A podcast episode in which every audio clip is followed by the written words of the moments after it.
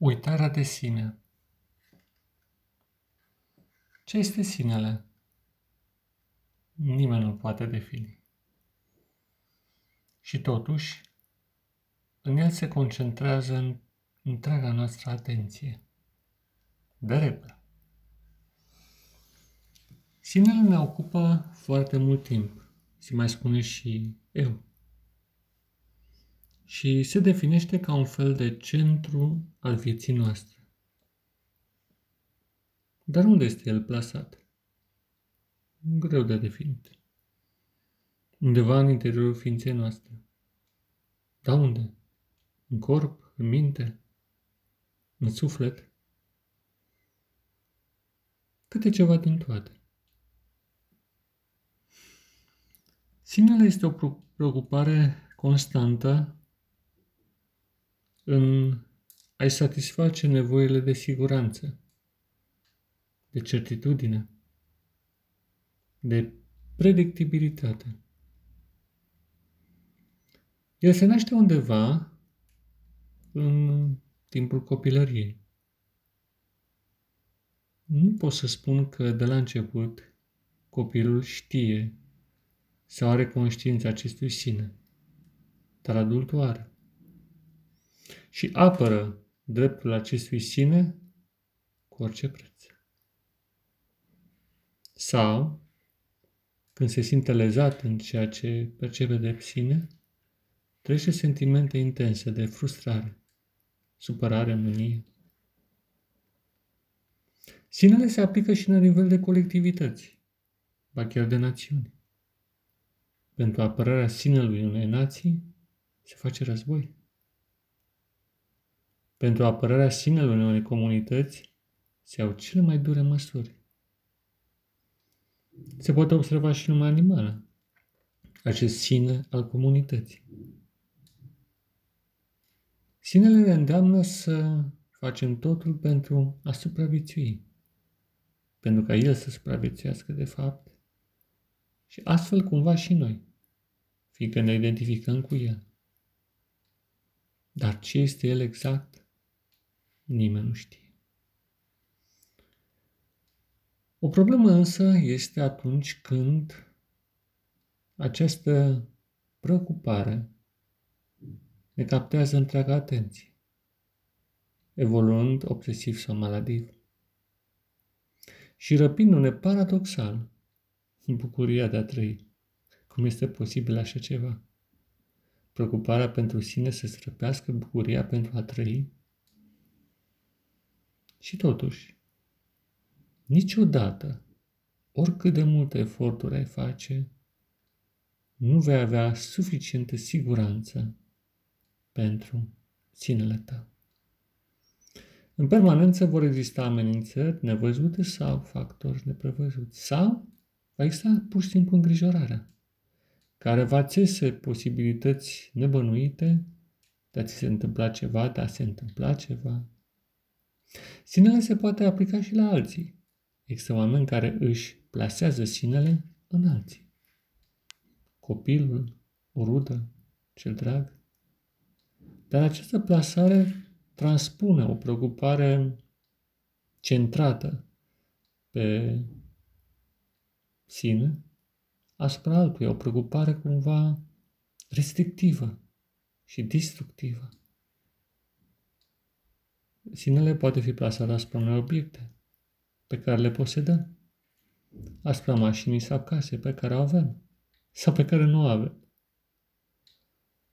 În toate întruchipările, sinele ne face fericiți sau nefericiți, dar fericirea dată de el comportă o plată enormă pentru a asigura siguranța, pentru a fi sigur că nu se va întâmpla ceva cu acest prețios sine. Pe de altă parte, nu există bucurie de a trăi într-o permanentă încordare de protejare a sinelui. Bineînțeles, nu este înțelept să-l ignori, dar atenția excesivă s-ar putea să dăuneze. Și nu întâmplător de aici se naște cel mai adesea de liniște. Neliniștea, teama, frica, vine tocmai din această direcție. Vorbeam de uitare de sine. Ce ar putea să fie aceasta? În primul rând, o abatere a atenției. Către ce? Către lumea exterioară, de exemplu. Sau și către cea interioară. E același lucru.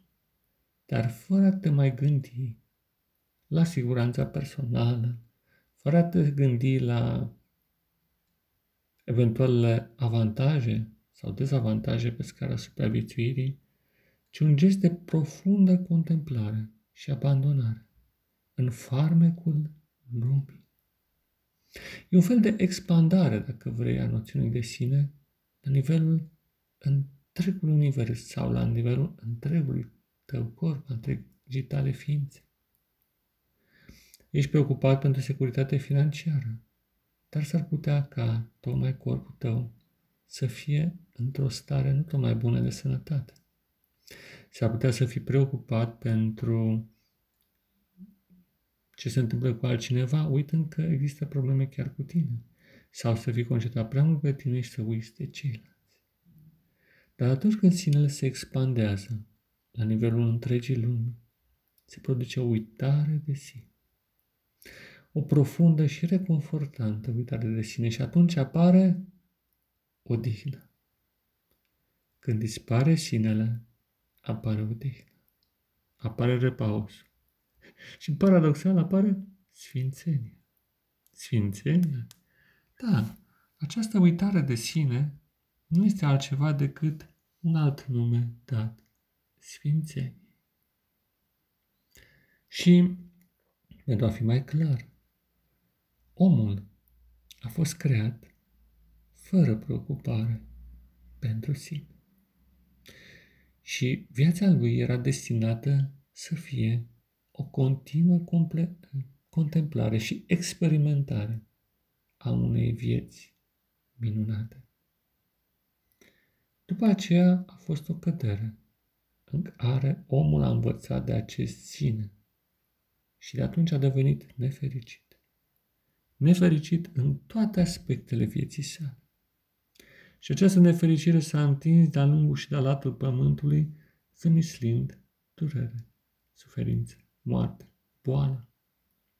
Orice fel de boală și are originea în acest straniu ține în această preocupare excesivă pentru ceva ce nu ți este clar în ce sens există. Și tocmai aici este un paradox. Preocupat pentru ceea ce nu există, ignori ceea ce există. Ignori clipa prezentă, ziua frumoasă de care ai parte. Ignori zâmbetul naturii și prezența divină. Fiindcă atunci când sinele este activ, Dumnezeu nu mai are loc să apară în viața ta. Uitarea de sine presupune exerciții foarte practice. În primul rând, să observi.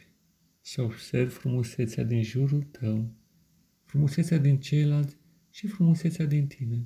Să lași orice fel de calcule prestabilite și pur și simplu să trăiești viața într-o completă abandonare de sine. Nu înseamnă să fii nebun sau irațional, nu. Trebuie luate măsuri pentru supraviețuire, dar ele nu trebuie să fie excesive. Fiindcă până la urmă, supraviețuirea ta depinde de o decizie a lui Dumnezeu ca tu să trăiești și astăzi.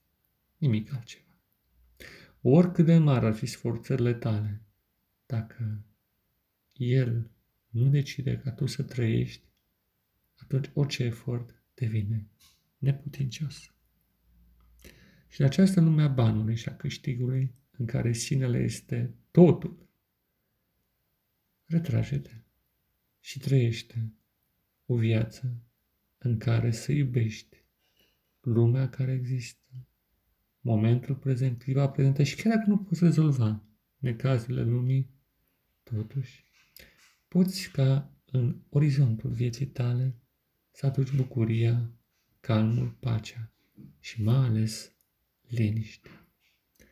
Ține minte toate aceste lucruri și practicale. Dragul meu prieten și frate, în Hristos și în umanitate. Паче да, паче.